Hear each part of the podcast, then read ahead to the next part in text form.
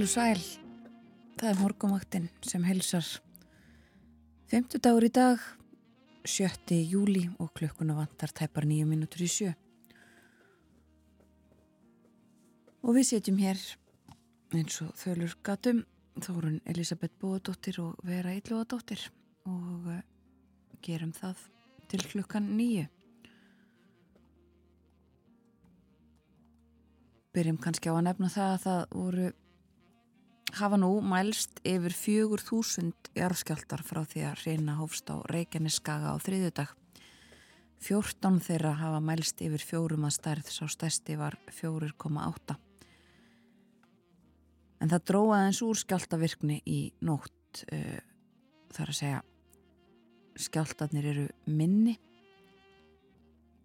Einn skjálti af stærðinni fjögur mæltist klukkan kortir í 11 en allir skjáltar í nótt minni en það. Og uh, talað við náttúruvarsjárfræðingi á veðurstofunni í morgun. Og uh, ekkert sem bendi til þess þá að gós væri að hefjast. Engin breyting á stöðunni frá því gær. En þá skulum við líta til veðurs. Skoðum fyrst hvernig veðrið var klukkan 6 og var afskaplega fallett þegar við vorum á ferðinni. Heiðskýrt og uh, nánast lokn sjöstega hiti í Reykjavík klukkan 6 austan svona andvari.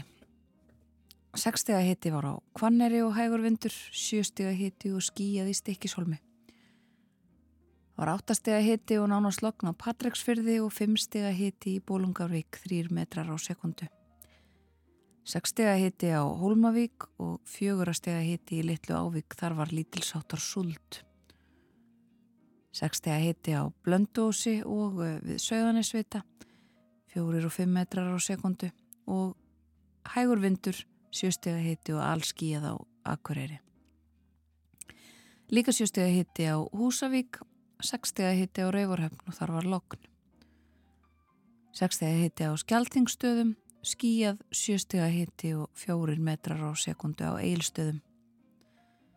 Hlýjast klukkan 6 í morgun var á höfni hotnafyrði 10 stega hitti og 3 metrar á sekundu. 8 stega hitti á kvískerjum og 9 stega hitti bæði á kirkjubæjaklaustri og stórhöfða í Vesmanegum. Á stórhöfða var lokn klukkan 6 í morgun líka. Áttastega hitti í Árnesi og hægur vindur og tveggja, þryggja og fimmstega hitti á veðuratjónastöðum á Hálendinu. Og þá er það spurning hvort að þessi blíða haldi áfram hér uh, Suðvestanlands í dag. Veðurhorfur á landinu í dag, það er spáð norðan og norðaustan, 3-10 metrum á sekundu og skýjað með köplum, en þá 8 til 15 og dálið til rigning Suðaustanlands. Verður lett skíðum landið suðvestanvert en breytilega átt og líkur á síðdegis skúrum á Suðurlandi. Hiti á bylnu 8 til 18 stig og hlýjast sunnan heiða. Á morgun austan og norðaustan 8 til 15 metrar á sekundu og rigning suðaustan síðdegis en annars skíða með köplum og þurft að kalla. Þá hlínar ögn í veðri. Og viðfræðingur skrifar að lægð vestur af Skotlandi valdi því að norðaustlægir vindar ríki á landinu í dag en verði heldur austlægari á morgun. skíjað á norðan og austanverðu landinu og sumstaðar þokuloft eða súld en létt skíjað suðvestan til. Skillagðarinnar nálgast sent á morgun og hvessir þá og fyrir að rigna á suðausturlandi um kvöldið en hlínar ögn í veðri. Heggur hitti þá næri 20 stigum í uppsveitum Suðurlands og jafnvel einni á Vesturlandi. Þetta segir viðfræðingur í hugleðingum sínum þennan eh, morgunin. Og það er ímislegt á dagskráni á morgumvaktinni í dag. Eh, við ætlum að líta út í heim, heimsklögginar á sínum stað á 50 dags morgni. Svo ætlum við að ræða við eh, stjórnmálafræðing um múlaþing, eh, þessa tilraun sem þar var gerð þegar sammenning fjögur og sveitafélagi átti sér stað og það er búið að gera fyrstu könnunina á því hvernig þetta hefur gengið allt saman. Og í síðasta litu þáttarins þá fáum við til okkar Arnar Áskirsson, myndlistamann og Sigur Trausta Traustason hjá listasafni Reykjavíkur þá að výja formlega þrjú ný útilistaverk í miðborginni í kvöld. Meirum það hér á eftir. En eh, við skulum heyra fyrsta lag þáttarins í dag. Þetta eru sískinin Ellen Kristjánsdóttir og K.K. og lagið Ljúfa líf.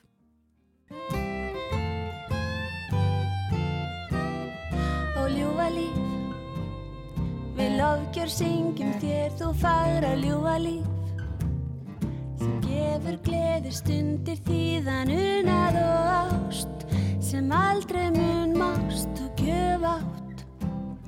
Þótt gengir sér látt og fagra ljúa líf sem öll við leitum hvert á sinn hátt. Og ljúa líf með söngværsl og mannamót og ljúfa líf og vinna hót sem veit okkur styrk. Ef vandamál myrk leik og skrátt. Þegar gleður oss fátt þú færa ljúfa líf. Sem öll við leitum hvert á sinn hátt.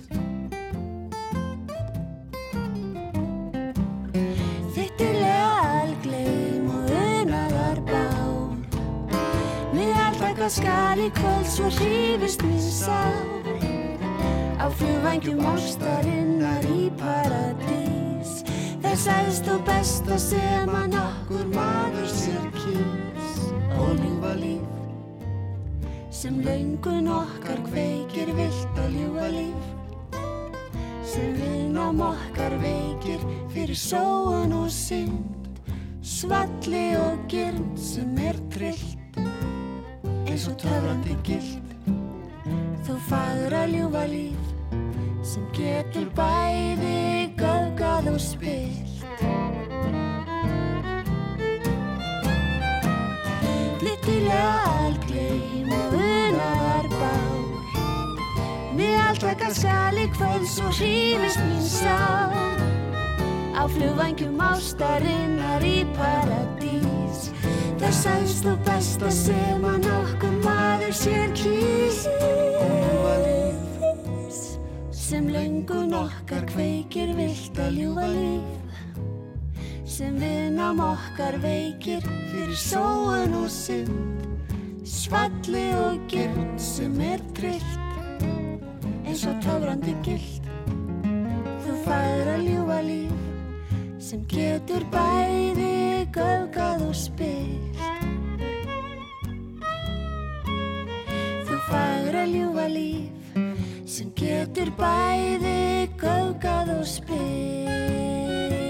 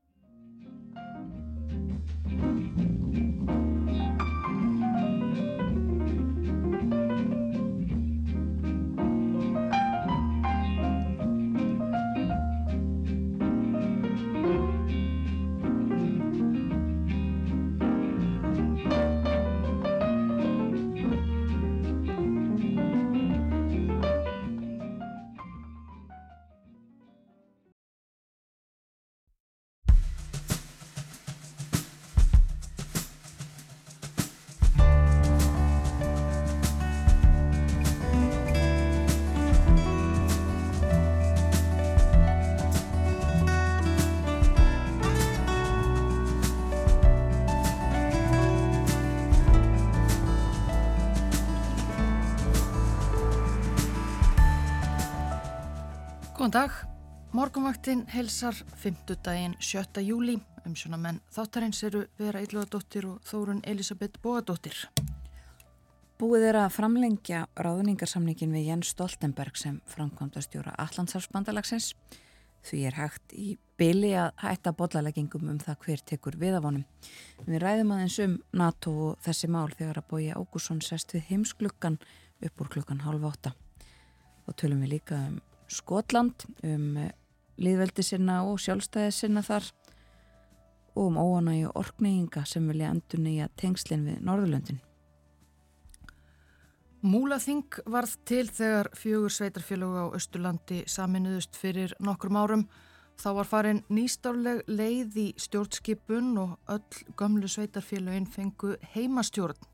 Eva Marín Lindstóttir, professor í stjórnmálafræði, hefur skoðað hvernig til hefur tekist og við ræðum við hana eftir morgunfréttinnar klukkan átta. Og í kvöld verða þrjún í útilistaverk formlega vigði miðborg Reykjavíkur. Við ræðum um útilistaverk í síðasta hluta þáttarins. Þá koma til okkar þeir Arnar Áskísson, myndlistamæður sem gerði þessi verk og Sigurður Trausti Traustason hjá listasafni Reykjavíkur. Það verður í síðasta hluta þáttarins. Svo erum við auðvitað á skjaldavaktinni og frétta vakt svona almennt fylgjast með því sem að er að gerast og segjum ykkur frá spilum líka einhverja tónlist og uh, það er blíðskapa veður í borginni tónlistin á minnstakosti núna fyrstum sinn litast aðeins af því það er uh, heiðskýrt og ferlínandi á, í Reykjavík og á höfuborgarsvæðinu var þá heiðskýrt já í morgun en það verður eitthvað af skýjum svona fram eftir mótni og svo aftur heiðskýrt setnipartin í dag samkvæmt spánni. Og hitin í höfuborginni getur náð 15 stegum í dag 17 stegum þar sem að hlýjast verður í Árnesi í dag samkvæmt eh, veður kortinu og enn betra veður á morgun. Förstu dag þá er sól uh, í kortunum á öllum vestur helmingi landsins. Að minnst að kosti eitthvað eitthvað lutadags og uh, annars hljómar spáinn fyrir landið svona norðan og norðaustan 3-10 metrar á sekundu og skíða með köplum en 8-15 og dáli til regning söðaustanlands. Lett skíðað um landið söðvestanvert en breytilega átt og líkur á síðdegi skúrum á söðurlandi og hittinn 8-18 stygg hlýjast sunnan heiða. Á morgun austan og norðaustan 8-15 metrar á sekundu og regning söðaustan til síðdegis en annars skíða með köplum og þurft að kalla og það línar ögn í veðri. Og það er lægð vestur af Skotlandi sem að veldur því að norðaustlægir vindar ríkja á landinu í dag. Og eh, um helgina 13 til 20 steg að hiti hlýjast inn til landsins austlæg eða breytileg átt á lögadag og norðaustan og austan svo liti kvassara á sunnudag 5-13 metrar á sekundu. Lítilsáttar regning norðan og austanlands og kólnar heldur á þeim slóðum á sunnudag en áfram bjartviðri og hlít suðvestan til. Og svo leiðis heldur það áfram fyrstu dagana í nýri viku. En já, við heyrðum í fréttunum af skjáltunum og eh, þeir eru til umfjöllunar á fórsíðu morgunblæðsins í dag líka. Jú, ekki að um, undra kannski. Morgunblæðið kemur út í dag í aldreifingu eins og eða á 50 þygt blað og um, auðvitað ítarleg umfjöllun um jarðhræringarnar síðustu daga. Á fórsíðu myndinni má sjá uh, ferðamenn búa sig uh, til gungu að góðstöðunum við Faradalsfjall. Tekið fram að lögregla sjá ekki ástæðu til að loka svæðinu að svo stöttu og ferðamenn en að tínast þangað eins og við höfum séð í fréttum undanfarið. Annars er eh, fyrirsögn morgunbladsins upphafið að einhverju stærra. Jarðvísindamenn telja eldgós líklegt í náinni framtíð. Fjallaðum þetta inn í morgunblæðinu í dag úr ymsum eh, áttum en svo er margt fleira í eh, morgunblæði dagsins. Á forsýðu er vitnað í viðtal í dagmálum vefþætti morgunblæðsins við Guðrún og Hafstinsdóttur dómsmálar á þeirra um innleiðingu rafbissa hjá lauruglunni eða rafvarnarvopnum eins og það er kallað. Hún segir að það standi fyrir dýrum að innleiða rafvarnarvopn hjá um, lauruglunni. Hún vilji gera það af tillýðlegri varúð veita í öllum fullgildum laurugluþjónum þjálfun í meðferð rafvarnarvopnana og þeir muni að frantbera sjálfvirkar búkmyndavelar. Þryggja manna innleiðingarhópur ríni í alla notkun rafvarnarvopna. Rætt við Gurun Hafstinsdóttur dómsmálar á þeirra á síðu tvö í morgumblæðinu í dag og í dagmálum. Það er líka fjallað um skóarkerfil á fórsýðu morgumblæðsins í dag. Skóarkerfill sækir víða að lúpínunni. Það er talað inn í blæðinu við Hrein Óskarsson, hann er sviðstjóri þjóðskóa og uh, hann segir að lúpínan sé að lúta í lægra haldi fyrir öðrum jörtum líkt og skóarkerflinum sem sést nú víða um Reykjavík. Hreit segir að skóarkerfill sé næringar frekt tegund sem hefur rutt sér rúms viðsvegar um borgina og þá meðal annars þar sem að lúpínan er eh, þegar til staðar og eh, svipað þróun má sjá eh, ekki bara á höfuborgarsveðinu heldur víða um land þar sem að lúpínan hopar bæði sveit og borgsum sé. Í morgumblæðinu er líka rætt við Þórólf Jónsson, deildarstjóra náttúru og garda hjá Reykjavíkuborg sem að segir að einblind verði á að reyna að stöðva útbreyðslu nokkura ágengra plantna á höfuborgarsvæðinu. Og það eru lúpinan og svo kallar tröllakvannir. Þórólur segir að eh, þeir hjá Reykjavíkuborg hafi ekkert gert við kerfilinn en það vitum við ekki hvað við getum gert við hann en hann er að breyðast út í borgarlandinu. Markmiðið er að slá lúpínuna á nokkrum völdum stöðum þar sem er náttúrulegt holdt og lúpínan er í framrás.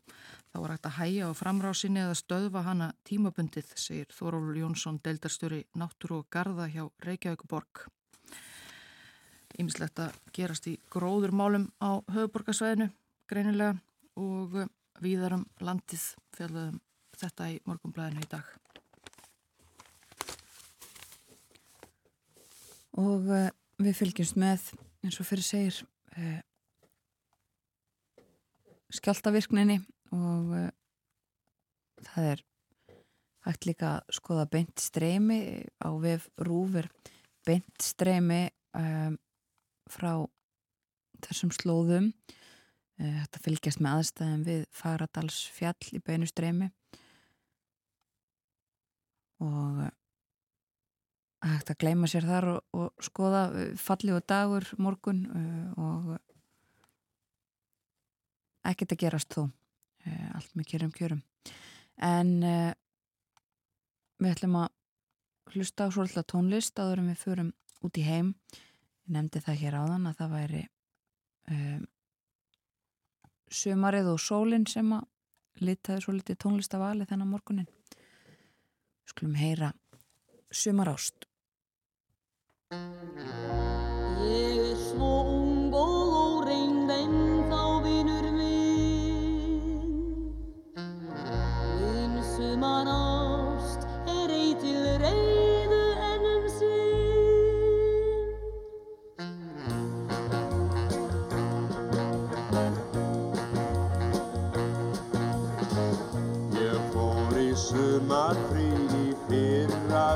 sveit. Og vingis meiu þar ég undur fagra leit.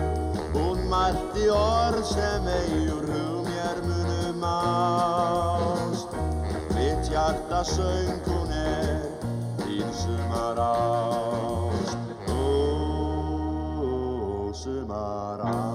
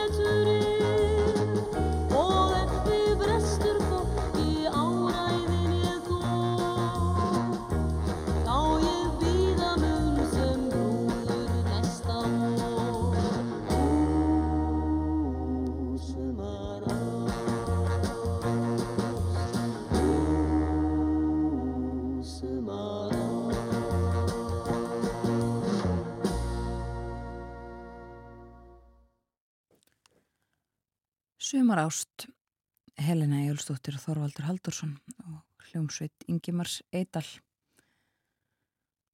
lag frá árinu 1968 ef mér skjallast ekki. En uh, við ætlum út í heim þessu næst uh, byrjum í bandaríkjunum en þó uh, Svíþjóð líka. Þeir hittust í gær á fundi í kvítahúsinu Joe Biden, bandaríkjafórseti og Úlf Kristersson uh, fórsetisráþara Svíþjóðar og uh, rættu um uh, umsókn Svíja að Allandsafsbandalæginu og Biden bandaríkjafórseti uh, endur tók það að hann stiði fyllilega, fyllilega við umsókn Svíja að NATO. Endur tók þetta sér satt í tvígang og að hann uh, hlakkaði til uh, og væri óþrýju fullur eftir því að þetta málir því til lykta leitt. Úlf Kristersson þakkaði bæten á fundinum fyrir að uh, styðja þetta og fyrir að uh, styðja um, samstarfsvilja og, og saminningu uh, og uh, og þakkaði fyrir uh, þennan mikla stuðning en uh, þeir sögðu að loknum fundi sínum að það væri innan við vika, jú, eins og hlustendur þekkja í þennan leðtóa fund Allandsafs bandalagsins í uh, Vilnius það væri, sagði Kristursson uh, viðeigandi tími fyrir uh, það að, að svíjar gangi inn.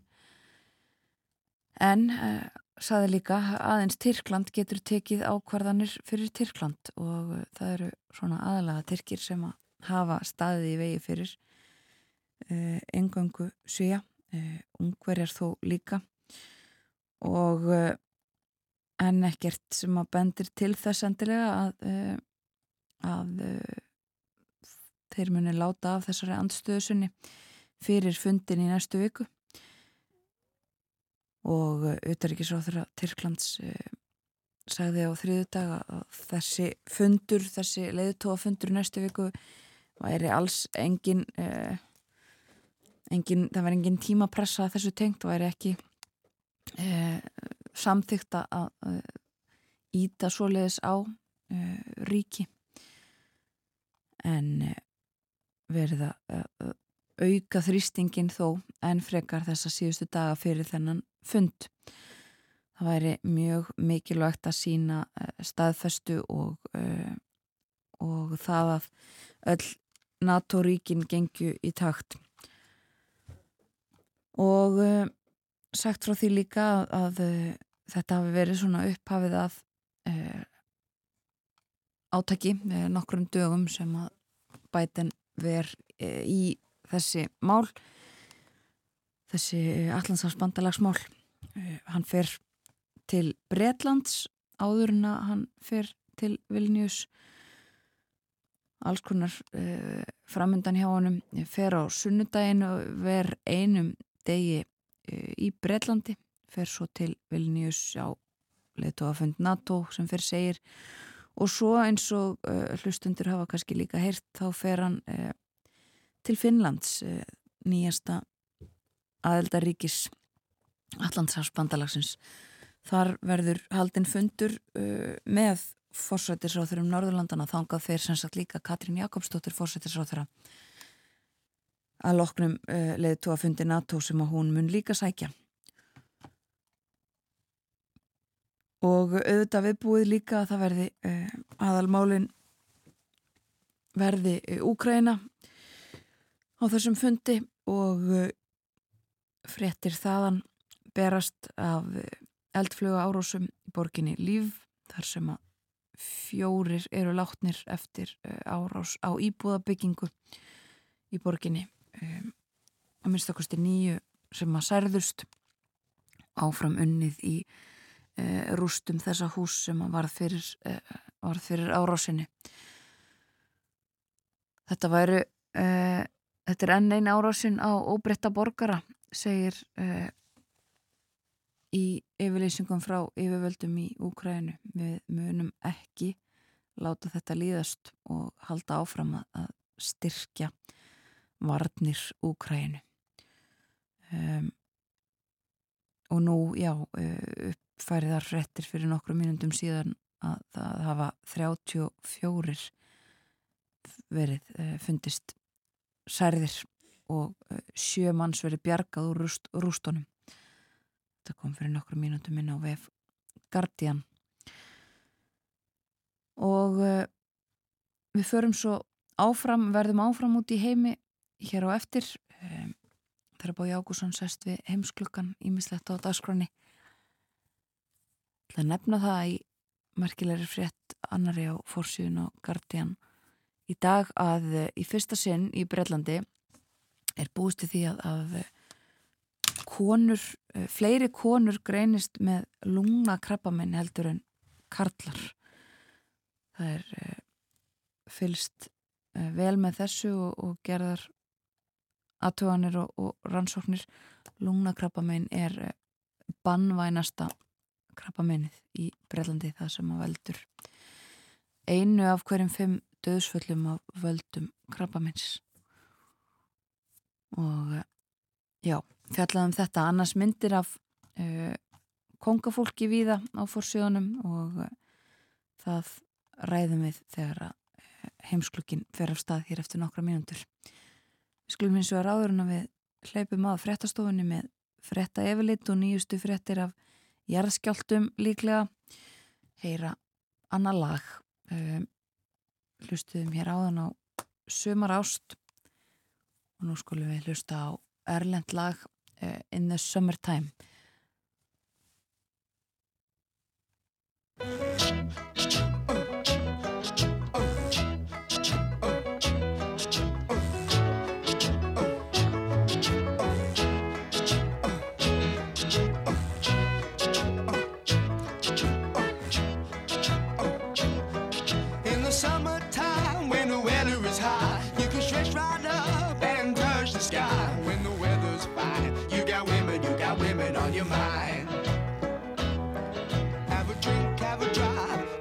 and see what you can find.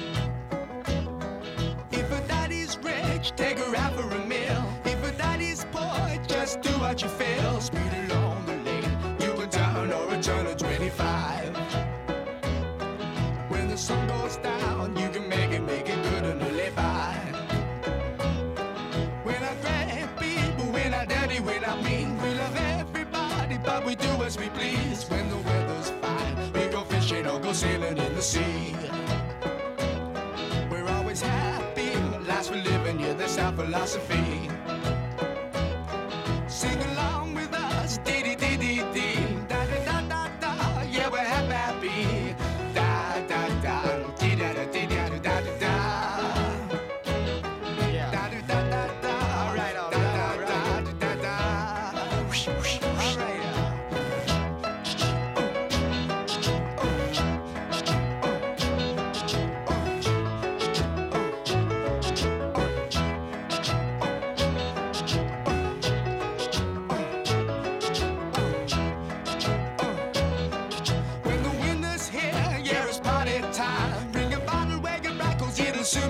be. And we'll sing again. We go driving, or maybe we'll settle down.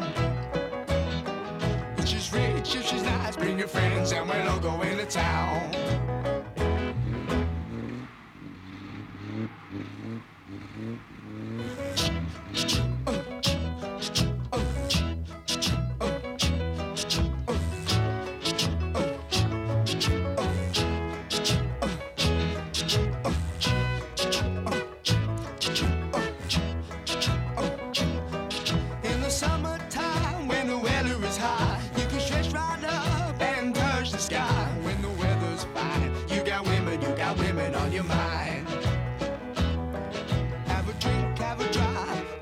See what you can find. If a daddy's rich, take her out for a meal. If a daddy's poor, just do what you feel. Speed along the lane, you can turn or a turn of 25. When the sun goes down, you can make it, make it good and live by. When I grab people, when I dirty, when I mean, we love everybody, but we do as we please. When fishing or go sailing in the sea. We're always happy, lives for living, yeah, that's our philosophy. Sing along with us, dee dee dee dee dee, da da da da da, yeah, we're happy, happy, da da da, dee da da dee da da da da da. In the Summertime, Mongo Jerry. Við spila sumarleg lög á þessum mótni. En uh, nú leipum við fréttastofinni að yfir lit morgun frétta næst á dagskróni hér á morgunvaktinni. Svo uh, sest Bói Ágússon við heimsklukkana því lóknu.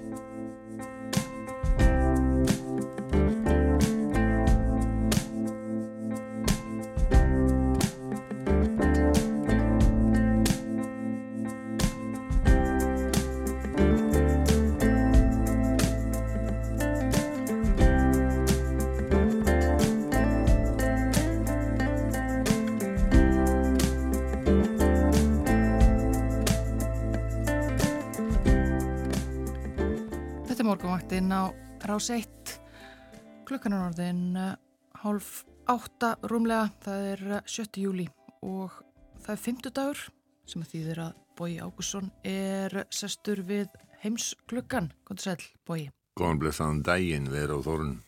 Við erum búin að ræða talsvert uh, síðustu vikur um uh, málefni framkvæmda stjóra Allandsafs bandalagsins og hver gegni, komið til með að gegna þeirri stöðu næst. Uh, nú hefur verið tilkynnt að Jens Stoltenberg ætli sér að vera eitt ári viðbútt Er þá Mette Fredriksen úr leik?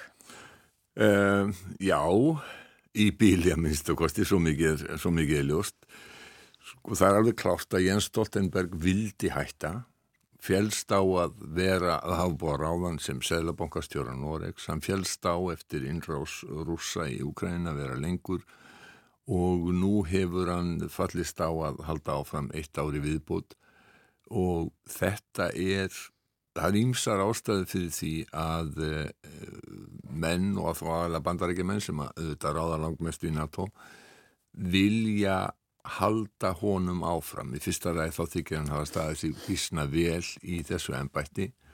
E, svo vilja menn heldur ekki sko, skiptum klári miðri á á meðan að þessi krísa sem er í alþjóðamálum vegna innrosa rússa í Úkrænu er eh, að þá vilja menn halda eh, svona ákveðni, getur við sagt, á einsku continuiteti, þeir vilja að eh, það verði sami stjórin við völd í NATO og það skiptir talsveit miklu máli eins og er. Svo er annað líka að Mette Fredriksen eh, naut ekki nægileg stuðnings meðal aðeldaríkja NATO, sérstaklega í Östur-Evrópu. Þeim þótti að skrítið að eh, skipta um framkvæmdastjóra frá einum norrænum stjórnmálamanni í annan á meðan að átakasvæðið er í Úkrænu og í Östur-Evrópu og það e, mæðir að sjálfsögðu mjög mikið á löndum eh, á NATO-löndunum þar fyrir austan. Þannig að þeim þótti þetta daldi skrítið.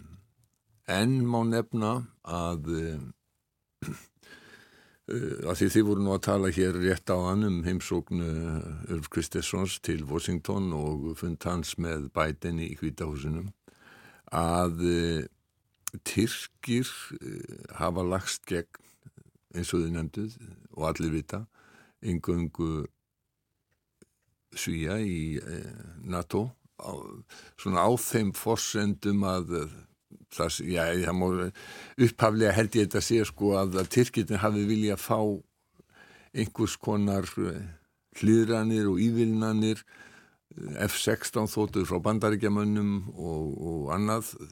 Síðan er þau komnir inn í þá klemmu að vera búin að gera ofmikinn skratta úr Svíþjóð þannig að það er erfitt fyrir Erdogan Tyrklandsforsetta að uh, selja það heima fyrir að nú sé allt í, allt í þessu fína með Svíþjóð og uh, þeir megi koma inn og svo náttúrulega hjálpar ekki fyrir þegar það koma svona upp svona atbyrður eins og það að fólk sé að brenna kóraninn á göttum úti í Svíþjóða fyrir utan morskur þar það skilja menn í Tyrklandi ekki öðruvísi heldur en að það sé sko með vilja sænskra yfirvalda þeir eiga mjög erfitt með að skilja þetta konsept að stjórnvöld ráði ekki öllum svona hlutum. Þannig að mm. þetta er eitt af því en, sko, en Stoltenberg er búinn að fara margóft til Tyrklands, búinn að ná ákveðu svona góðu sambandi við eins og hægt er, við Erdogan og bandarækjumenn óttuðust ákveðinu leiti að um, nýr framkvæmtastjórið myndi standa á byrjunariti gagvar Tyrkjum. Þannig að langt besta nýðustafan væri að að minnstakosti þannig að svíjar eru komnir inn að Stoltenberg væri áfram uh, framkvæmtastjóri í NATO. Þannig að það, það, það, þetta er mjög margþægt hvað það er sem að ræður því að uh, Stoltenberg verður þarna þvert gegn vilja sínum að halda áfram sem framkvæmtastjóri uh, allarsvarsbandalagsins. Hins vegar alveg ljóst að segja danski fréttaskýrindur að Mette Freyriðsson var alveg tilbúin til þess að taka þetta að sér. Já. Það er þó að það sé tiltulega stutt síðan að hún myndaði annar ráðuniti sitt. Þá hefur hennar fórsetis á þeirra tíð ekkert verið neitt sérstaklega auðveld. Hún náttúrulega ekki gegnum COVID og svo ekki síður þetta skelvilega mingamál þar sem að danska stjórnin ákvæðal slátra öllum mingum í Danmörku og það er svona ímislegt í því máli sem að ekki hefur komið í ljós og, og, og sennilega kemur ekki í ljós fyrst að henni tókst að fá uh, helsta stjórnar aðstöðuflokkin venstri sem hafði gaggrind það mál mjög með sér í, eh, í ríkistjórn í rauninni gegn því að vera ekkert að vesenast meira í þessu mingamáli en þetta hef, það var ímislegt orðið henni móttrækt og uh, danski fréttaskýrindur hafa álíkt að margir að henni þætti ekkert mjög slemt að geta bara hvart dansk stjórnmál og, og uh, farið á, á svona alþjóðlegan vettvang. Já, en sko, einmitt, það er þá, Stoltenberg verður þarna áfram í ár og eins og sagðir sko ekki að skiptum klári miðri á en, en svo kannski má velta því fyrir sér hvort að sé óskækja að- halda að, að hlutinir verði eitthvað e, mun róleri eða öðruvísi að, ári liðinu og Stoltenberg geti komist frá þá. Það er hins vegar mjög góður punktur og, og allsendis óvist að það er kannski Stoltenbergs í æviráðin Já. sem framkvæmta stjóri NATO.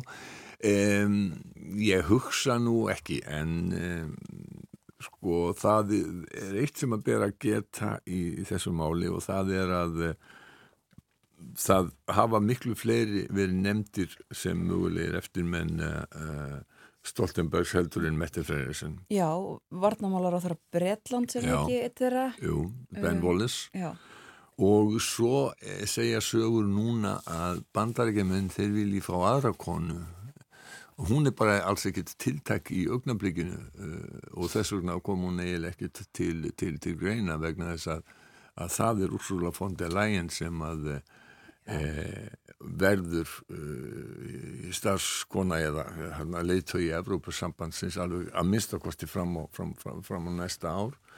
En það er sagt að, að bandarækjumenn vilji eh, fá hana í, í embættið í stað í stað eh, Stoltenbergs. Já. Ben Wallace það, því miður þá verður að segja það bara við breyta, hann kemur ekki til greina af tvennum ástæðum. Það er vegna þess að það hefur skapast svona ákveðin hefð núna á með undanförnum framkvæmtastjórum að það séu fyrfirandi þjóðarleiðtóar e, í tilfelli úrsölu fondi lægin þá leiðtói í Evrópusambandsins.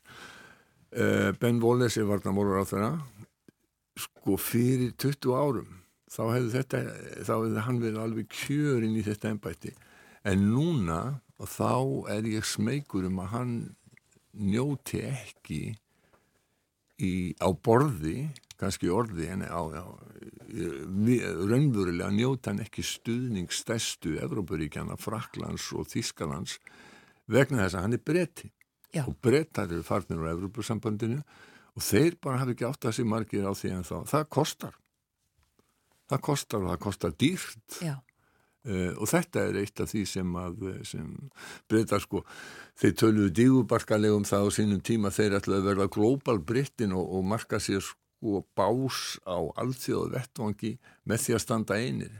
En uh, þeir gömlu heimsvaldar sinna sem töluðu í þeim dúr þeir bara einfallega hefðu ekki átt að segja á því að það er ekki sko 1910 eða 1913 það er uh, komið annað ártal og og þeir eh, ráð ekki lengur í heiminum og þeir hafi ekki það áhrifavald sem að þeir höfðu stór partur af því hvað þeir eh, þeirra áhrifavald í heiminum var það að þeir voru hluti af, af Evropasambandir. Já. Þetta er svona svipað á með Dani og, og, og Grænlendinga. Partur af því að Dan hafa tekið svo mikið mark á dönum og allt því að vettvangi er það að Grænland er hluti af danska konungneminum. Einmitt. Já, og við erum uh, í Breitlandi, höldum áfram þar, uh, uh, förum, norðu til Skotlands Já. í byli. Uh, þar var Karl Konungur, hvað var það í gær? Já. Að í einhvers konar formlegri aðtöfn, segja okkur frá þessu. Já, þetta er, það má svo sem segja þetta sé svona ígildi krýningar sem að var fyrir nokkrum vikum í, í Westminster Abbey í Lundunum eh, í St. Giles domkirkjunni í Edinborg, höfuborg Skota, þessari falli og miklu kirkju sem stendur þarna við uh, The Royal Mile og sjálfsagt að geta þessi í, í framhjálöpi að, að það í þessari kirkju er um, fallegt glærlistaverk gluggar eftir Leif Breiðfjörð Já. sem, að, er mjög fallegt verk. Og uh, það var nú kannski ekki mikið talað um það í gærin en sem sagt þarna tók Karl formlega við krúnudjásnum skota sem eru eldri heldur en þau breskum Já. þessu, þeir ennsku fyrir ekki og uh, vegna þess að þegar Ólífa Cromwell um, stifti Karli fyrsta uh, að þá var þá, þá, þá var gerð mikið leit af þessum krúnudjásnum í, í Skotlandi en konungsinnar þeim tókst, konungsinnum tókst að fela uh, krúnudjásnin hér og þar. Þetta var svona æs, æsingaleikur með, og spennandi æsingaleikur með, með, með krúnudjásnin. Þetta er valdar, veldisbroti þetta er uh, kóróna og, uh, og sverð uh, sem að honum var formlega afhengt í gær og hann sór þess eið að uh, gæta réttinda skota og vernda þá í stæðin fyrir að taka á móti þessu. Um, þetta var svona mjög hefðbundin aftöfn það sem að var uh, varpaði skugga á þetta var að um, allstór hópur uh, líðveldi sinna stóð þarna á The Royal Mile. Royal Mile er, er gata sem að liggur frá Hollywood uh, það sem er bæðið þinghúsið og kastali sem er formlegt aðsettur konungs uh, í Edinborg uh, upp að Edinborgakastala og þetta er náttúrulega í gegnum miðborg uh, Edinborgar. Og þar stóð talsverður hópur fólks sem að hrópaði Not My King. Uh, og þetta mátti alveg heyra greinilega þegar, þegar konungur og drottning komu uh, stig út úr bílum sínum og, og gengu inn í, inn í, inn í kirkjuna. Þetta minnir á það að stuðningur við konungsveldið er mun minni í Skotlandi heldur en hann er í, í, Englandi og sjálfsagt Wales líka. Það er talið að já, og kannanir segja að um þriðjungur skota séu liðveldi sinnar. Já. og þarna var fólk sem ætti sko, Not My King og sagði svo sko, að það væri óeðlegt að á 21. öldinni að þá væri þjóðhöfðingi svona hver væri þjóðhöfðingi væri, væri genetist lotteri en ekki val þjóðarinnar Já. þannig að og, það, og það, þetta hefur ekki breyst mikið að, að, og, og sko skotar eru, helmingur skota er enn þeirra skoðunar að þeir eigi að vera sjálfstæð þjóð og það þó að sko, skoski þjóðaflokkurinn eigi vandræðum Já, einmitt. Hann hefur náttúrulega verið svona uh, aðalsbrautan í sjálfstæðismálum en hefur átt erfitt og komið upp alls konar mál uh, undanfarið Já, og það við dreigir veruleg fylgi samkvæmt konunum þannig að að þegar að gengi veðu til þingkostninga næst í Breitlandi á næsta ári að þá benda kannanir til þess nú að verkamannflokkurinn taki frá þeim stóran hluta af þingsætum sem að á, á breska þinginu sem að SNP hefur nánast einokað uh, á undanförnum já, svona einum og hálfum áratögu eitthvað, eitthvað svolítið sko. Og það getur haft uh, sitt að segja um Já. stöðuna í vestminster. Það getur haft það og gert verkamannflokknum mögulegt að ná og meiri hluta uh, þingsæta á, á breska þinginu. Sko, með, einn af þeim þingmönnum sem að greinlega búin að fá nóg núna er Mary Black sem var kjörinn uh, á þing, held ég, 2015 og þá var hún yngsti þingmaðurinn í 200, næri 200 ár. Hún var réttu tvítug og ekki búin að ljúka sínu námi en hún var svona vonar stjarnar uh, flokksins SMP en hún tilkynnti í gær að hún ætlaði ekki að bjóða sér fram við uh, næstu þingkostningar, hvena sem þær verða. Og þetta, þetta ásamt því að Nikola Sturgeon er fallinn og, og, og, og, og fleiri leiðandi, fleira leiðandi fólk í SNP hefur lendi í stórum vandræðum rannsókn af fjármálumflokksins þetta hefur orðið til þetta er svona, þetta er enn eitt höggið fyrir, fyrir skoska þjóðaflokkin en Mary Black átti sko flotta innkomi í breska þinginu í gær það var fyrirspurnatími fórsættisráþurra en að þessu sinni að þá var það varafórsættisráþurran Oliver Doughton sem var fyrir svörum vegna þess að Rishi Sunak var eitthvað vant viðláttinn, hann var að sinna einhverjum öðrum störfum. Og þá gerist það alltaf að það eru varaformenni eða varaleðtóri í þinginu sem taka við. Þannig að og Mary Black er einmitt sko varaformaðu þingflokks uh, skoska þjóðaflokksins og, og hún fekk þá tækifæri til að spyrja tvekja spurninga. Hún spurði um bresku heilbríðis þjónustuna sem var 75 ára í gær eh, og Ólífi Dáten var kjörinn um, hérna, um leið og þing og hún og hann er mjög metnaðagjörð og ætla sér mikla hluti innan flokksins uh, og hann, þegar hún hérna, hann rifjaði það upp að þau verið kjörinn saman á þing en hann var svona daldið yfirleitis ég er nánast í tali sem við hvað, hvað Oliver Dalton sagði í í gæð May I actually just begin by saying genuinely how sorry I was to hear that the Honourable Lady will be standing down at the next election. She and I joined this House at the same time and I know she has contributed much to her party and to this place.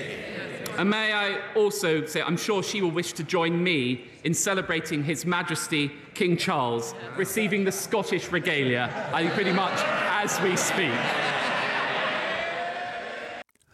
Þarna saði Ólífur Dátin að hann væri alveg viss um það að Mary Black vildi taka undir heitlaóskir til konungs sem að væri að taka við krúnundjósnum Skotlands og meðan að þessi þingfundur væri í Breitlandi en það vita allir að Mary Black er mikið líðvildi sinni hann held síðan áfram og sagði sko að það væri aldrei of sent fyrir sko að fá svona Damaskus upp, upplifun og, og vísa til þess Páll Postuli e, skiptu um skoðun og, og, og leði sinni til Damaskus. Hún svaraði honum sko þetta og þetta, þetta, þetta er ekki undirbúið. Hún svaraði honum á þann hátt að, að, að þingheimur hló svo hátt og lengi ég bara man ekki eftir öðru eins í Breska þinginu. Heyri maður sem er í Black The, the Deputy Prime Minister, I thank him for his kind words and we did join this place at the same time and I'm pretty sure we'll be leaving at the same time.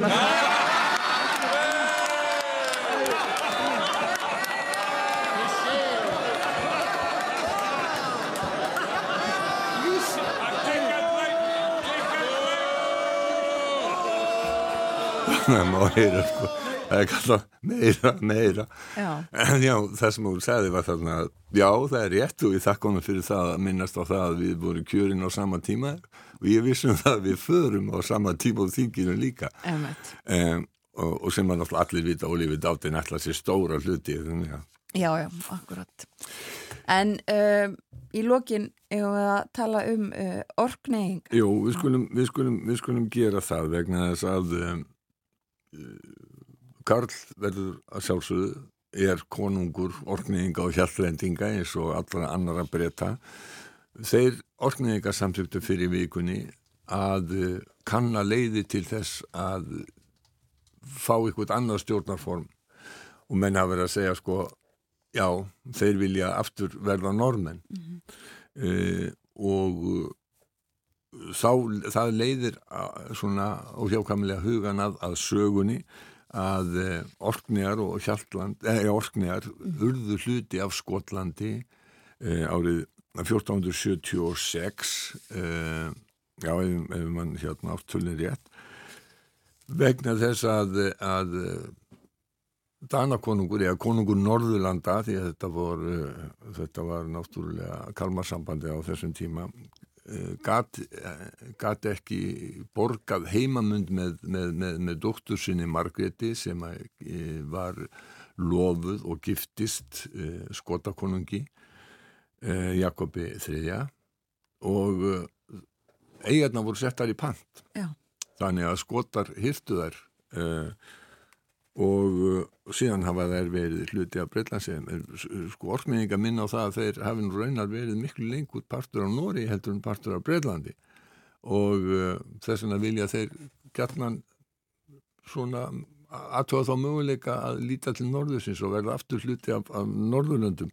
Auðvitað þetta í praxis ekki hægt og breskastjórnum hefur mynd á það að það sé engan sko, stjórnarskrálega sé ekki tækt að gera þetta sko en saga orknega er samúin sögur Norðurlanda eh, og tungumáli sem var talað þar norn fram á uh, 19. öld var norrænt tungumál. Þetta rætti ég við aðalstein heitinn Davíðsson sem var málfarsráðunutur fyrir 12 árum í þáttum sem að við gerðum um norrænt tungumál. Við skulum heyra hvað aðalstein hefur hafði að segja um tungumáli norn. Norræn tungumál voru víðar töluð áður fyrir nú, meðal annars á Suðuríum, Hjaltlandi og Orkneyjum. Víða má enn sjá þess dæmi í staðarnöfnum og fleiru. Nafn höfðustadar Orkneyja, Körkvól, er talið hafið kirkjuvógur á norrænni tungu. Lengst livði norræn tunga á Breitlandsegjum á Hjaltlandi, motto á eigana er með lögum skal land byggja og þá áletrun mun ennað finna á dómhúsin í Leirvik eða Leirvík höfustad eigana. Talið er að norræn tunga hafi lífað þar fram á miðja 19. öld. Norræna tungumáli sem talað var á Hjaltlandi, Orkneyjum og Katanes eða Keithnes var nefnt Norn. Það var talað mál sem, sem við kallum það sjálfur Norn og það var safnað miklum dæmum um það á, á 19. öld. Ferísku málfræðingur sem safnaði Norn og gaf mér sér út orðabók um Norn. Þannig að það er til miklar heimildir um það. Miklar heimildir og, maður sér það að skoða Norn á, á prenti að þetta hefur verið óskiljanlegt fyrir aðra skandinafa. Breytingar verður orðna svo miklar. Það er orðna svo miklar. Mm. Og, en það er merkilegt við Norn að þeir heldu tónáherslunni. Og söngurinn í sænsku og norsku og reyndar nokkur litið dönsku líka, hann er ekki út í loftið, hann fylgir ákveðnum álfræði formúlum. Nokkur neginn þannig að maður veit hvað hljóð voru einnkvæð um 1300 og hver voru tvíkvæð, þá getur maður borðið rétt fram svo nokkur neginn. Þetta er merkingagreinandi í málinu hvort maður sér anden eða anden. Já, þannig að þetta er ekki út í hætti. Þetta er ekki út í hætti, þetta er tvö ólík orð. Og þetta hafa við séð að hafi verið í norm líka? Þetta lifir held ég enþá á Hjaltlandi Orknægjum. Í ennskunni sem þið tala? Í, í ennskunni sem þið tala. Mm. Eða skoskum máliskunni eða hvað er sem þið nota núna. Uh, hafði norm einhver áhrif á, uh, já, gelísku og ennsku? Ekki svo ég viti, ekki fram með það að það náttúrulega hafði áhrif á, á ennskuna, norræni og, og skandinaviski innflutningurinn í danalögum.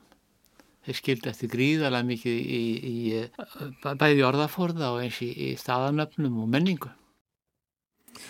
Þeir skildi eftir sig mikið í staðanöfnum og menningu skota, hann sé að norræni menn eh, sagði aðsteinn Davíðsson Þetta er úr uh, þáttum eða þætti sem var gerður árið 2011 eða 12 og fjallaði um, um Norræn tungumól uh, og uh, aðarsteinn var á þessum tíma málfarsraðanutur Ríkisútarsins og þekkti gríðarlega vel til hann og, og mikil tungumálum að tala meðal annars finsku reybrinnandi og uh, hafði mikla þekkingu á, á, á Norræn tungumálum. Uh, Þessi draumur orkneyinga, ég held að, og hjallendinga marga, ég held að það, hann verði aldrei að einu eða neinu en þeir hafa markað óanægi sína.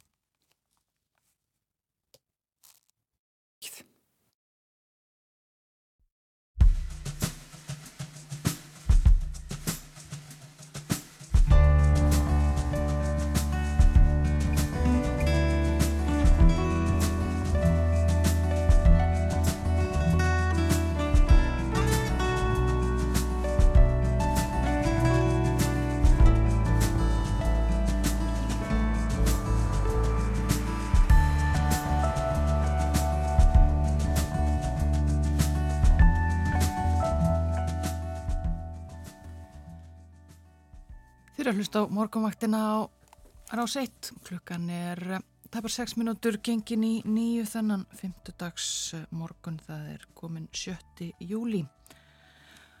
Morgun frettinnar að baki. Ekkert nema jarðhræringar og mögulegt eldgoss í frettum þennan morgunin. Ítaleg umfjöldun frettastofu. Og eins og Andri Irkil nefndi að þá heldur hún áfram það er fréttavakt í gangi þar sem alla nýjustu fréttir koma inn eh, og fylgst með hverjum skjálta sem að finnst. Og eh, eins og við heyrðum þarna líka að þetta getur breyst rætt en, en það er ekkert svona ekkert uh, nýtt í gangi akkurat núna. Bara uh, verða býða og sjá en uh, Bói Ágússon var hérna með okkur fyrir fréttinnar við rættum Erlend málefni töluðum um Allandsafsbandalæðið í næstu viku þetta þessi leiðtóafundur þar verður haldir í Vilnius ég held að sé á þriðu dag og miðvíkudagi næstu viku minnst okkurst ég getur við uh, sagt frá því að Björn Malmqvist frettamæður verður, verður þar og uh, við ræðum við hann verður með okkur hér á mánudagsmorgun frá Vilnius og fer yfir það sem að þá stendur frammi fyrir dyrum. En rættum ímislegt fleira við boga. Við töluðum um stöðumála í Breitlandi og Skotlandi ekki síst og undir lókin orknegjum. Orkneyingar eh, vilja kanna annars konar stjórnarfar og hafa mynd á það að þeir hafi tilhirt Noregi mjög lengur en þeir hafa tilhirt Breitlandi. En uh, það var áðan Erlend málefni, nú ætlum við að tala um íslensk málefni. Það var fyrir nokkrum árum saminuðust fjögur sveitafjölug og mynduðu múlaþing og eh, þar var gerð forveitnileg tilraun eh, breytingar á, á stjórnarfarinu nýtt skipulag tekið upp og í fyrsta sinn að þá er hérna búið að taka saman og, og gera svona já, greiningu á því hvernig þetta hefur tekist til. Það er Eva Marín Lindsdóttir, professor í ofnbæri stjórnsíslu sem það gerði og hún er með okkur í gegnum tölvu. Góðan dag, Eva Marín. Já, góðan daginn. Förum aðeins fyrst áður en að við förum yfir það hvernig þetta hefur tiltekist. Förum yfir þetta skipulag sem var búið til með múlaþingi. Þannig að saminuðust fjögur sveitafjölög er það ekki á mjög uh, stóru svæði á Östurlandi. Og, og hvernig, hvernig var þetta gert?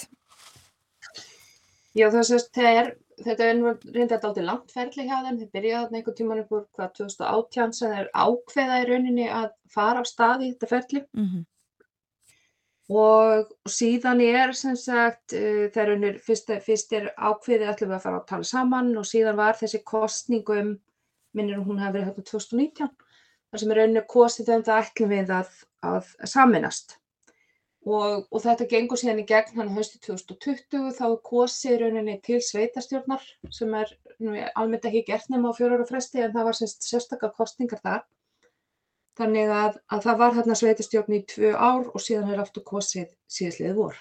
Já, og það tekið upp þetta nýja skipulag, þetta uh, ég sveitafélagi saminast og verður múlaþing, en, en einhver stjórnsísla heldur sér á hverjum stað fyrir sig? Já, þau setja sérstaklega upp það sem kalla, hefur kallað heimastjórnir. Um, þá er þetta það var sem sagt formfest þannig að það voru uh, þeirra heimastjórnir og hverjum af þessum fjónum sveitafélögum sem samanuðist í upphæði þannig að uh, það eru sem sagt þrýr hérna í heimastjórn á hverjum stað og það er kosið í þessa heimastjórn í rauninni samhliða sveitastjórnarkostningun sem er, það er rauninni það sem kannski gerir þessar heimastjórnir óvinnulegar vegna þess að það hefur áður verið reynt að vera með einhvers konar, uh, einhvers konar útibú í um, gömlu meiningum af sveit, þegar að verið er að samina sveitafélög. Mm. En, en þetta er svona kannski það mest formgerða og skipulegðasta tilröðin sem við höfum gert. Já. Já.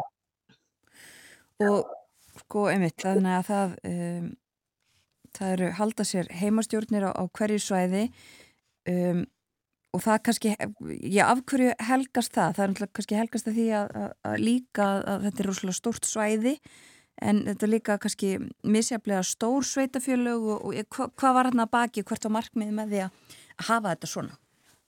Sko það er náttúrulega vel þekkt þegar að verið er að samina sveitafjölög og við erum náttúrulega búin að gera tölvöld mikið af því í síðustu svona 25 árin og það er alveg búið að hérna, hvað sé að það er margbúið að sína fram að að tilfinning íbúa í sveitarfélögum sem að, sérstaklega þeim sem tilhera ekki kjarnasveitarfélögum, þar sem rauninni stærsti kannski kjarnin er, Mm. að þeir íbúar eru miklu líklegri til þess að upplifa um, einhvers konar valdmissi, uh, að þau upplifa einhvers konar áhrifleysi. Og, og þetta er í rauninni svona hvað er svörun við því, það er bæði verið að raun, kannski verið að reyna að koma til móts við þessa svona, er, reyna að koma í veg fyrir þessa upplifun, það er í fyrsta lagi kannski sútilurinn, en svo líka það er bara reynilega verið að láta þau hafa raunveruleg verkefni um, sem er líka svolítið ólíkt því sem hefur verið reynt áður. Það hefur oft verið reynt að gera eitthvað svona en oft hefur sko hafa þessar einingar þá haft fá verkefni, mjög lítið lögmæti og, og íbúðnar hafa ekki upplifanið tilgang með slíkum hérna skipulagi. Mm. Og meðan að, að, að sem sagt, núna er verið að gera tilhörun til þess að, að reyna að gefa þessum heimastofnum lögmæti. Já, og, þetta er eins og nefndir, það er auðvitað verið og hafa verið fjölmörg sveitafjölug saminuð og það hafa verið uh, áform og, og stjórnvalda uh, og svona vilji til þess að það verði gert enn frekar.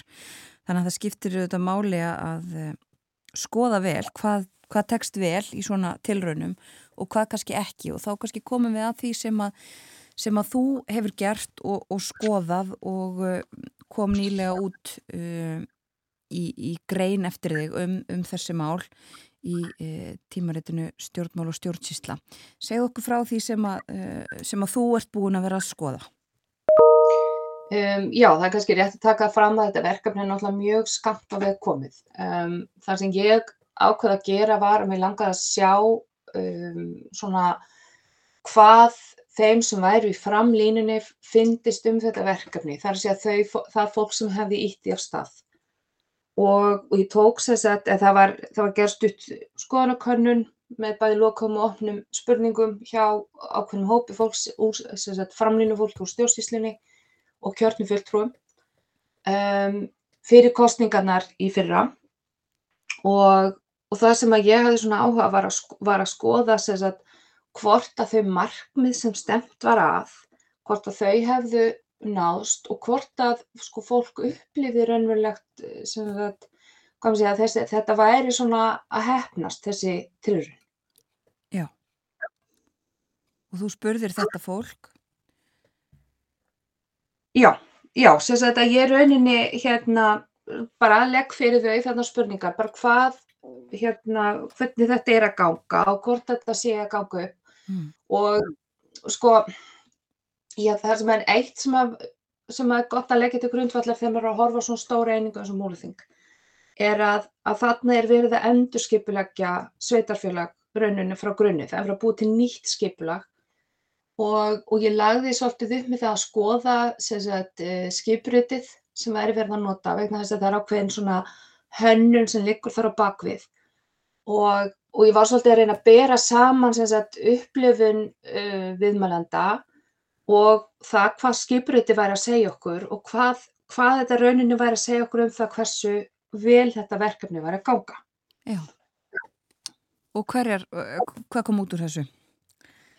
Og svona heilt yfir, þá getum við sagt að fólk sé almennt ánægt með þetta verkefni. Mm -hmm. um, þetta, voru, þetta eru ekki marg svör, það er að segja að þetta eru ekki margir einstaklingar sem voru þarna, tóka þarna þátt, þannig að þannig er ekki, er ekki fyrir að spyrja íbúana. Það og alveg eftir að gera það. En, en svona heilt yfir, þá er fólk almennt ánægt með þetta verkefni. Það virðist vera sem að þessi uppaflega hugmynd að gefa um, þessum staðbyrnu einingum meira lögmandi að, að það virðist vera hef, hefnast. Það er að segja að, að viðmælundu virtust svona almennt upplifa það sem er jákvæmt. Það, ekki heilt, það voru ekki allir sammála því, en svona heilt yfir þá var það mjög jákvæmt. Já.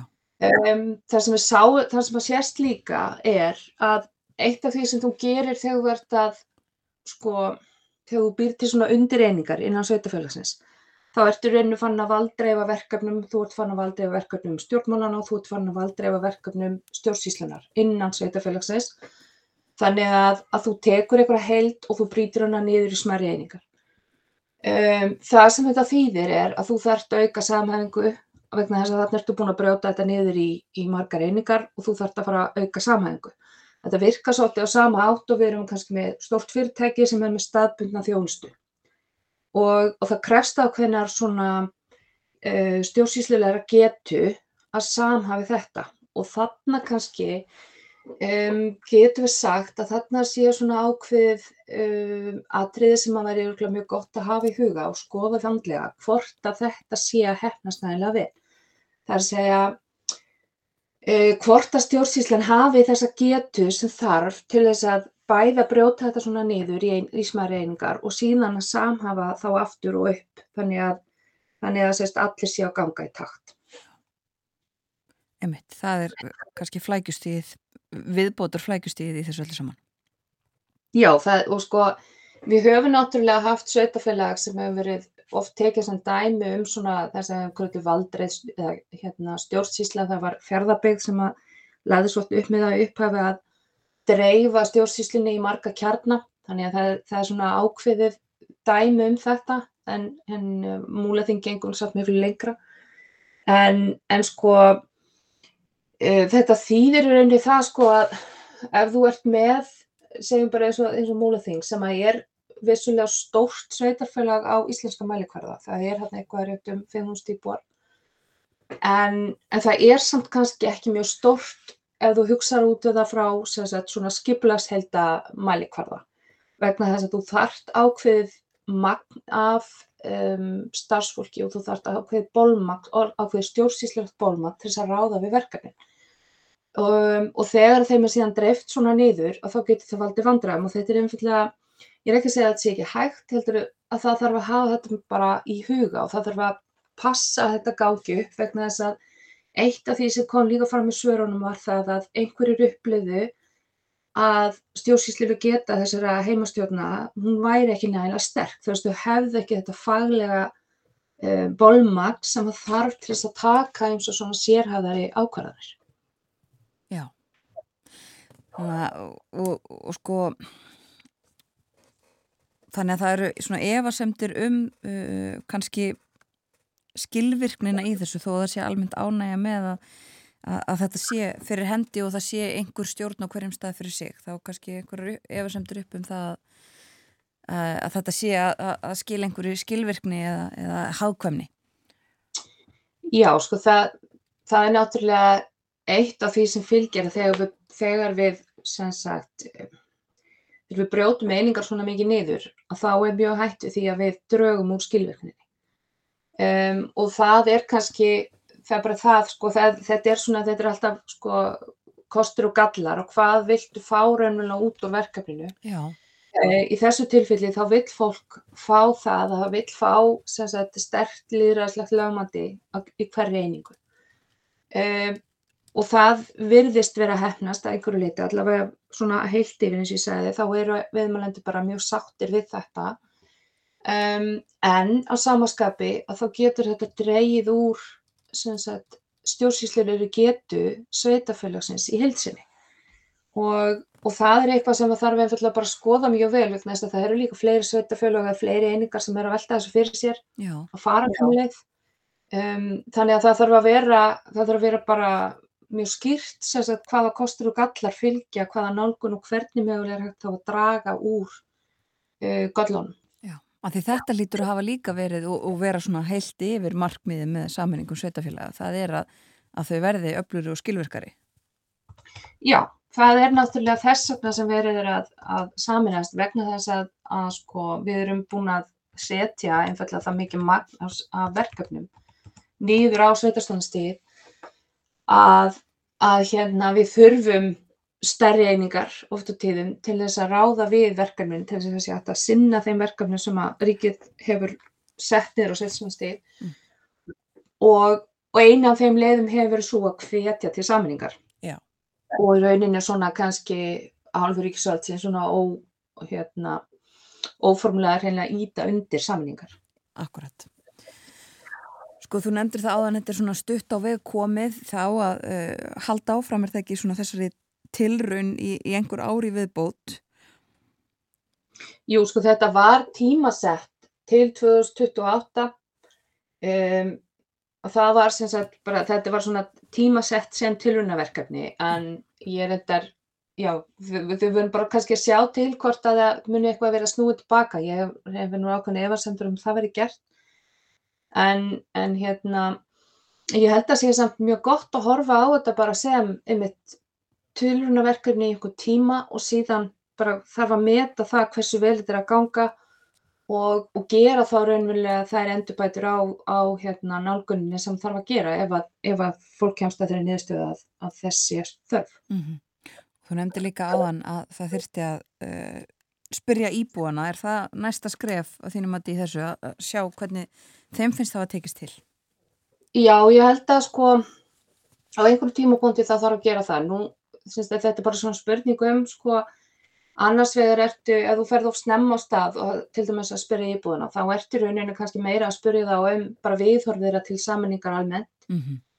um, þannig að það þurfa að líða einhverja ár þar til þú getur farið að spurja sagt, bara sko, spurninga sem lúta að störfum heimastjórnarinnar sjálfrar og það fer kannski að vera komið af því núna. Þetta eru orðin þrjú ár sem þetta er orðið hérna, búið að vera í gangi. Þannig að, veist, að það fer kannski líða því að við förum að geta fengið um, góða niðurstöður við förum að spura íbúina en ég heldur mitt að það væri það væri mjög gaglegt að gera fljótlega könnun og svo aftur eftir svolítið tíma til þess að sjá uh, munin, hvort að sé einhvern munur á milli þess að það er skamtir liðið og síðan þeir lengraða liðið frá, frá hérna, saminningunni en við veitum það líka að, að sko, sko saminningar sveitarfélaga þær eru þær snerta fólk á mjög marga vegu, þú veist þetta, þetta snýst ekki alltaf bara um þjónustuna.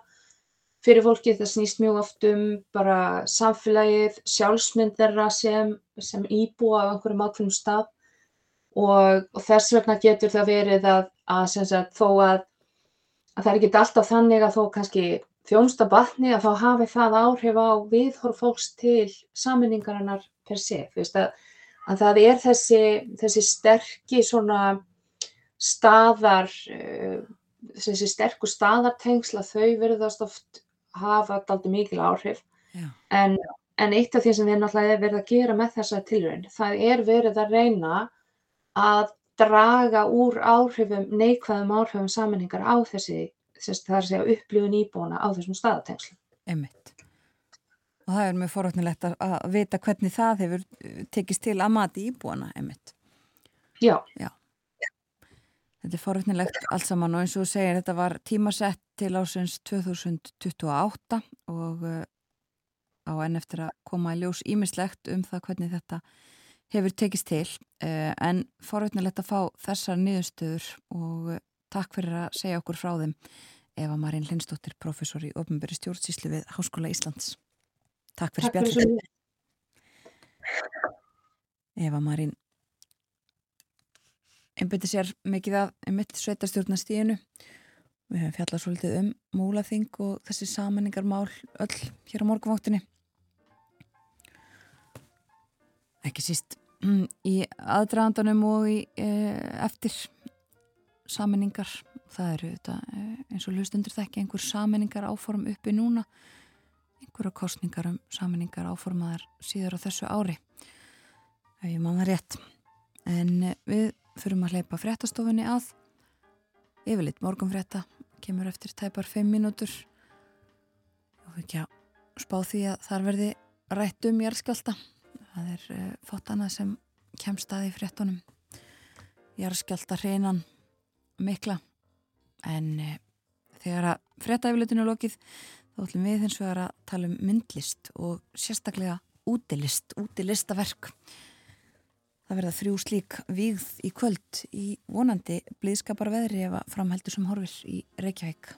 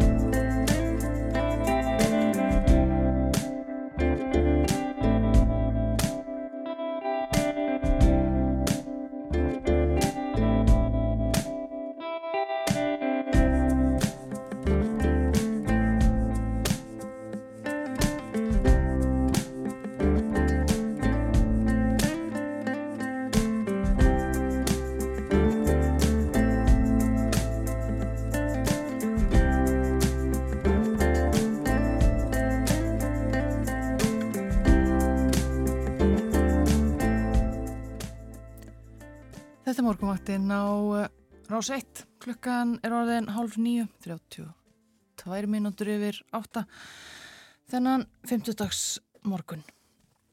Við höfum rætt um Erlend málefni, Erlend uh, stjórnmál í morgun. Uh, Bói Ágússon var með okkur, settist við heimsklukkan og svo voru það innlend stjórnmál, sveita stjórnmál. Eva Marín Lindsdóttir, professor í ofnböru stjórnsýslu, var hérna með okkur í gegnum tölvu og uh, sað okkur frá uh, aðtúin, uh, könnun sem að hún gerði á meðal sveitastjórnumanna og heimastjórnumanna í Múlaþingi, sveitafélaginu sem var búið til árið 2020 úr þessum fjórum sveitafélögum á, á Östurlandi, Borgafyrði, Istri, Djúbavogi, Seyðisfyrði og Fljótsdalsheraði og svarendur voru á því að nýtt skipulag sem var búið til, það eru svona heimastjórnir á öllum þessum stöðum, hafi virkað vel en eh, hafa svona meiri efasemtur um að þetta sé endilega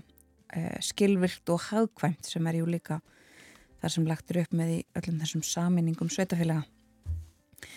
En já, eh, Erlend og Íslensk stjórnmál á dagskráni á morguváttinni hinga til. Næstu mínútunar ætlum við að tala um list, myndlist, eh, myndlist í almanna rými og svona sérstaklega í Reykjavík.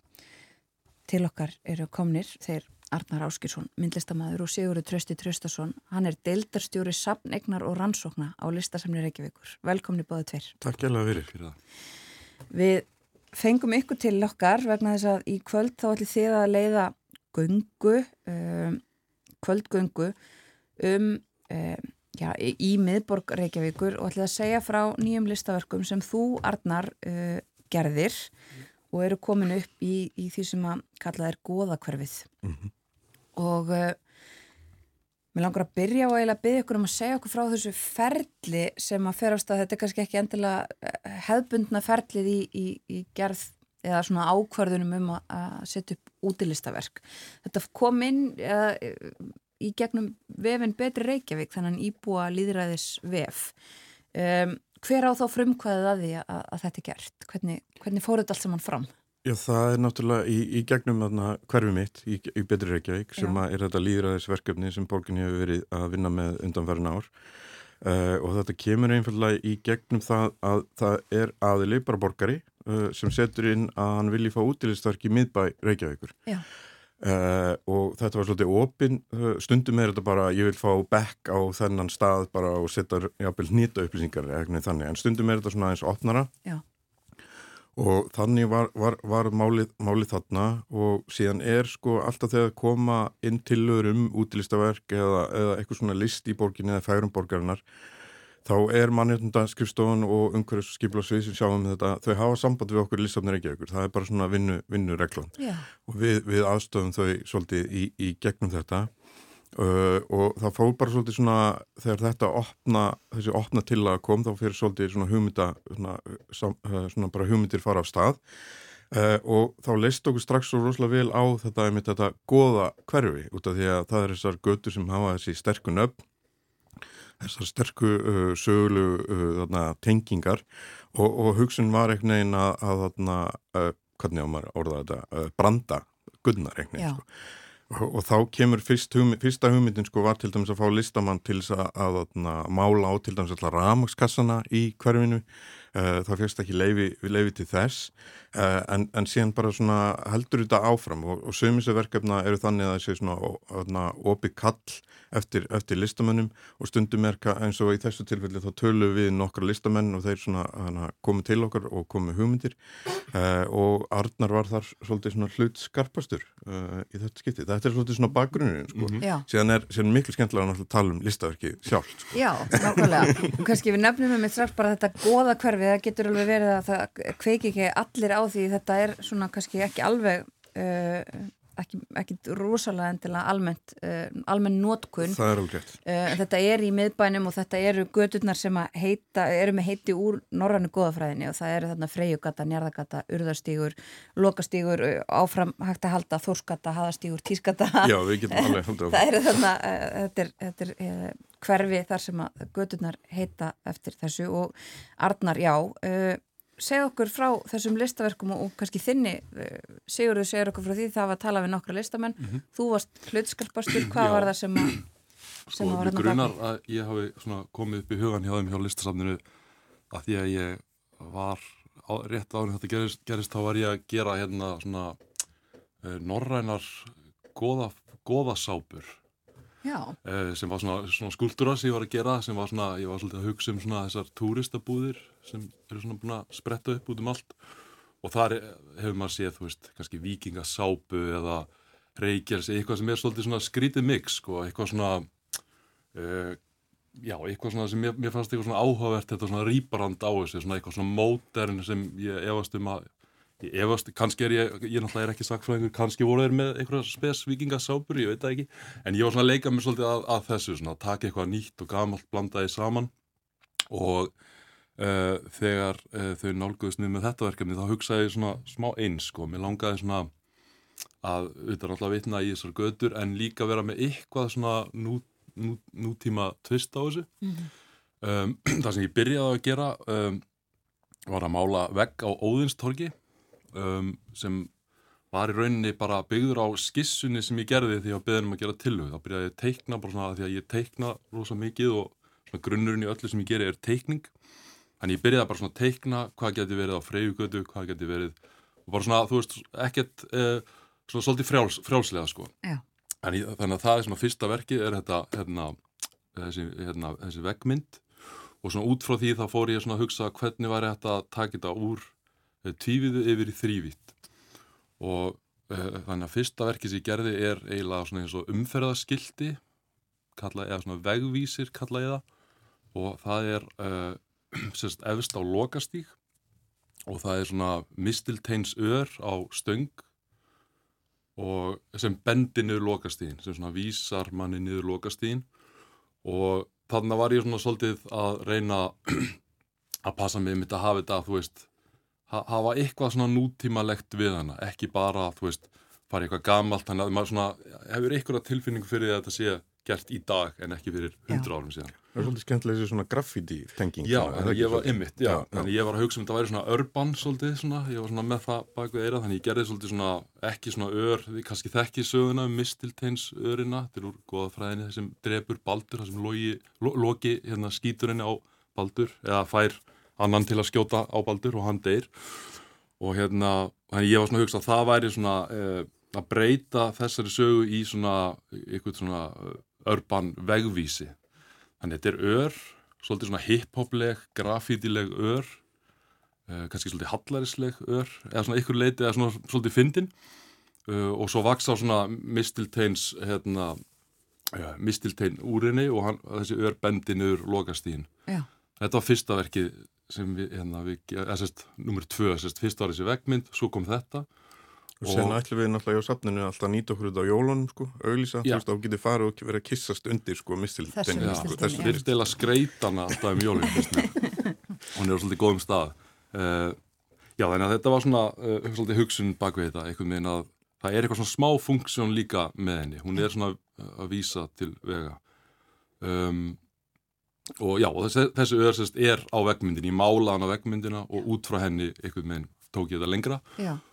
og svo gerðu við annað líka sem er líka óðinstorki og það er líka svona eitthvað skonar uh, skildi það er auga sem svona horfir yfir óðinstork og þannig var ég líka hugsað til svolítið svona eins og kannski kamera svona myndavel í svona ég var að hugsa það svona stöng og svona horfir yfir svolítið svona ógnandi sko. Ég er svolítið að fylgjast með þér þannig að hérna, já, þannig að þetta var svona svolítið, þetta var allan ferlið. Byrjar á vegmyndinni og svo út frá henni og tínið svolítið úr vegmyndinni og gera það í þrývitt við náðum að gera þessi þrjú verk. Já, og sen er þetta svolítið svona þetta allsjáandi auga óvins, Já, já, náttúrulega. já, Svo, það er tengingin náttúrulega góða frá hérna Nákvæmlega, já. Svo, en, en síðan er náttúrulega bara vona ég að veist að, að borgurinnum, bara reykjungum lítið svo vil á þetta að það komi bara núna næsta hverfi mitt að þá viljum við fleiri og Já. þá, þá getum við kannski gert freyjugutu, tísgutu, einmitt. og all, alla þessar gutur líka, ég vona það Er einhverju hugmyndir eða er það kannski í veglista verkinu það líka? eru svona, já, það eru fleiri? svona einmitt, það, það er svona hugmyndakortið svona, það er ekkert eitthvað rosalega kannski stíft að þarf að vera það, en það er svona, mér fannst svolítið gaman bara að nota það svona í ferlinu, bara sína skissunar og svo út frá því kannski. En ég hugsaði einmitt með þeim að þessar tvo skúltúra, þeir eru svona frekar litlir og nettir, þeir eru svona kannski eins og einmitt umferðarskildi og stærð. Já. og mér varst það svolítið skemmtilegt að því oft er hérna, eins og vegmyndin er rosa svona stór og mikil og mér alveg svona, svolítið áhverð líka bara að hafa þetta svolítið lítið og nett og kannski fyrir þetta framhjóðir stundum eins og allt henni sér þetta. Og mér varst það svolítið svona skemmtilegt. Þur, þurfi ekki að alveg að taka yfir allt umhverfið sko. Eh, En einmitt, sko, þá kannski erum við komin að því um, að því að uh, þú hefur gert útilistaverk áður en sko er mjög ólíkt að gera útilistaverk en önnur verk. sko ég hef gert útilegstverk áður en alltaf svona e- eitthvað sem er tímabundið. Uh, og þessi vegmynd er líklegast tímabundin af því að ég held að veðrið muni bara sjá til þess. Um, en þetta er kannski fyrsta skipti þessir skúldurar sem þe- þeir ætti að geta verið Siggi kannski veit meira um líftíma svona uh, Já, en- þessi skúldrar er núna bara hluti af safneign Já, já. að Lissabs Reykjavíkur og, Já. og verða varðveittir Já. um, uh, eins uh, ókomna tíð Já, bara. og þeir eru bronsi Já. þannig að það ætti nú að, að hérna, halda svolítið lengi en jú, það er, það er svolítið það er alltaf öðru þessi hugsun sko að því að maður þarf svona ummitt að passa upp á veður en líka kannski skemmtaverk en það er nú ekkert að þessu verið neitt skemmt eða þannig en það, það kemur fyrir og jú, maður þarf að hugsa alltaf öðru sko sérstaklega held ég veðrið held ég að, aðalega svona. Já, það er að hafa eitthvað sko sem endist í, í náttúrunni Mhm. og við hjá uh, Lissan Reykjavíkur sjáum um sko, umsýslanum með útilistaverkin í borginni sem Akkúrat. að eru hátt í 180 og þau eru í hinnum ímsu efnum og, og öðru sko svo að það, er ímslegt sem þarf að huga því tengslum við viðhald á, á svona verkum sko og mér finnst mjög gaman þegar koma á bronsverk sko því að það er ekki eins mikið viðhald að það er Einmitt. kannski að, að, að bera á þau og pússa þau og ára fresti Já. en það er ekki, þau eru kannski ekki hrinja mikið og, Nei. og þannig. Nei. Það er alveg svolítið gaman að fylgjast með því sko, þau að breytast töluvert svona liturinn á þeim bara út af veðrinu og líka hundar pissa líklegast á þetta þannig að það er komið svolítið svona flottur litur af því sko Já. þetta hefur allt svona, einhvern veginn það breytir svolítið litnum á þessu Mhm. sem er bara stemning sko Já, einmitt. Og eitthvað sem að gerist líklega ekki við, við listaverk sem að fá að vera einhver staðar inni. Nei, alls ekki, alls það ekki, sko. stór Það munur, einmitt, algjörlega Akkurat, en sko einmitt segurður að því útilistaverk eru uh, og þi- og þið báðir svo sem þið hérna uh, merkileg og þau eru einmitt sko í almanna rými eins og þú, veist að tala um uh, kannski faraðu stundum framhjá þér uh, sömur eru svona einhvern veginn æpa á þig og önnur eru þannig að þú bara getur lappa framhjá þeim að þess að fatta þau síðan Mhm. en er sko að því að, að því við höfum öll aðgengi af þeim sem er ekki endilega uh, tilfellið með aðra myndlist eða list Það er opnunum tími, akkurat Já, Svo- akkurat. Það er opnunatími og það kostar kannski inn Já. og, og, og auðvitað margt sem er bara inn á heimilum eða, eða stofnunum sko, en, en hérna, að þetta er svolítið bara merkilegt fyrirbæri. Mhm. Hefur þeim fjölga mikið uh, útilistaverkonum í Reykjavík? Uh, það hafa verið nokkuð verkefni þarna undanferðin ár uh, nýjustu verkin er til dæmis annað verk sem heitir Sjávarmál uh, sem er út á, út á nesi, það kemur líka í gegnum Petur Reykjavík og síðan til dæmis Heiminglæfa sem er við Hörpu sem er eftir Elinu Hansdóttur Já. það var gjöf ríkis og borgar til þarna, Hörpu í- til þarna amalinu á síðast ári svo það eru nokkuð svona verkefni og síðan er í gangi líka Það komna nýja reglur varandi þarna, þegar verið að byggja ný hverfi varandi innviðagjaldi að það fari hluti af því í fægrun Uh, og það er þessi mögulega, veist, það er alltaf oft talað um þess að ein, ein, 1% reglu sem að ríkið er til dæmis með varandi ofnbæra byggingar. Uh, svo það eru nokkur hverfi sem að er í uppmingu þar sem að er, er nokkur ljóst að það eigi, að koma útilistaverk í, í, í, tengslum við þetta eða eitthvað svona, eitthvað, eitthvað fægrun sko, algjörlega. Svo að þetta er bara, já, ótrúlega gaman að, að vinna í þessu Og þið haldið utanum öll þessi eins og sagður að öll útilistaverkin í, í borginni. Já, eða flest. Það eru nokkur sem eru í heigu ríkis og kannski enga aðla, en Já. það eru langt flest sem er, eru hjá okkur. Uh, og bara svona til þess að skjóta inn sem smá svona, svona promo, þá eru við með uh, app sem heitir Reykjavík Art Walk þar sem hægt er að skoða öll þessi útilistaverk og fá frekari upplýsingar um þau og sérstaklega eins og ef fólk er að hlusta og kemst ekki í góðu göngun okkar í kvöld Já. þá getur það náð sér í þetta og líka farið á vefsíðuna hjá listanir Reykjavík til að skoða útilistaverk Já, ég rakst einmitt á þetta í gær, þetta, þetta smáfórið sem ég vissi ekki að vera til og, og uh, leiðbennir manni mitt, það var hægt að fara bara í sína eigin, eigin gungu um listaverkin í borginni, en þið ætlið að ganga eins og við byrjuðum á að tala um hérna áðan, ganga saman og með fólki uh, í kvöld og, og segja frá þessu og þá verður það þessi verk víðformlega, er það ekki? Jú, jú, jú það, er, það er hugmyndin. Uh, þetta er búið að vera nokkur langt ferli. Og þessi hugmynd kemur inn 2019 og vegmyndin kemur síðan strax 2020 Mhm. og síðan er þetta bara, uh, náttúrulega tekur tíma að útbúið verkinu og, og, og allt svoleiðis. Svo, að- en núna er svona loksins komin tími, þetta það náttúrulega kom COVID og gáðum ekki safna saman og þannig. Svo núna langar okkur loksins að hampa Arnari svolítið og gefa hann sitt, sitt moment og þess vegna erum við, erum við hér líka og það búið að vera svo gott og skemmtilegt að uh, ferli í þessu og þetta er í tengslu við þessar, þessar sumagöngur sem hafa verið bókasöfnin og söfn, hinn söfnin í Reykjavík eru, hafa verið með saman undan fyrir náru og hafa verið alveg gífulega vinsalar og það hefur verið talað um allt frá pönginu yfir í bókmentagöngur og listarkagöngur og ímislegt Mhm. og, og þetta, við ætlum að byrja sagt uh, hjá listamni Reykjavík, bara Hafnarhúsinu nýri bæ og labba aðeins í gegnum að stoppa svona á nokkrum stöðum og ég ætla að fá svona þarna, skoðun Arnars á nokkrum útlistverkum á leiðinni Já, og, ok. og síðan ætlum við að stoppa og, og víja verkinu og, og Arnar fær,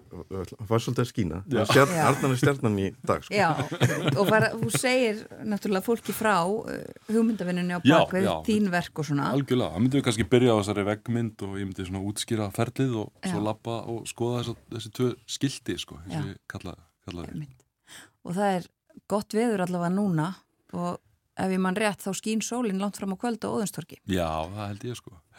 Þannig að það er uh, hægt að fara þarna og, og, og þetta er ókipis Já. og Já.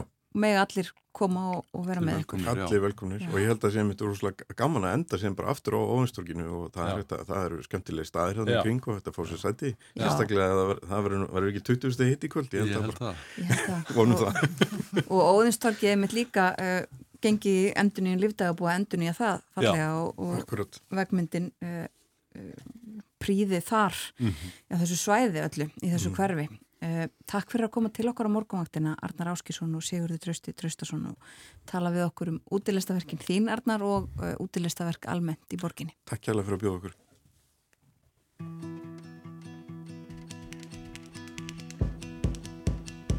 Nú finn ég fyrringin Ég fylli bílinn minn.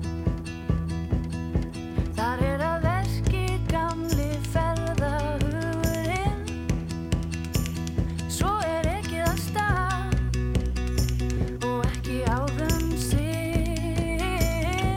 Ég ætla að glými allan dag Við þjóðveginn. Ég tek minn pók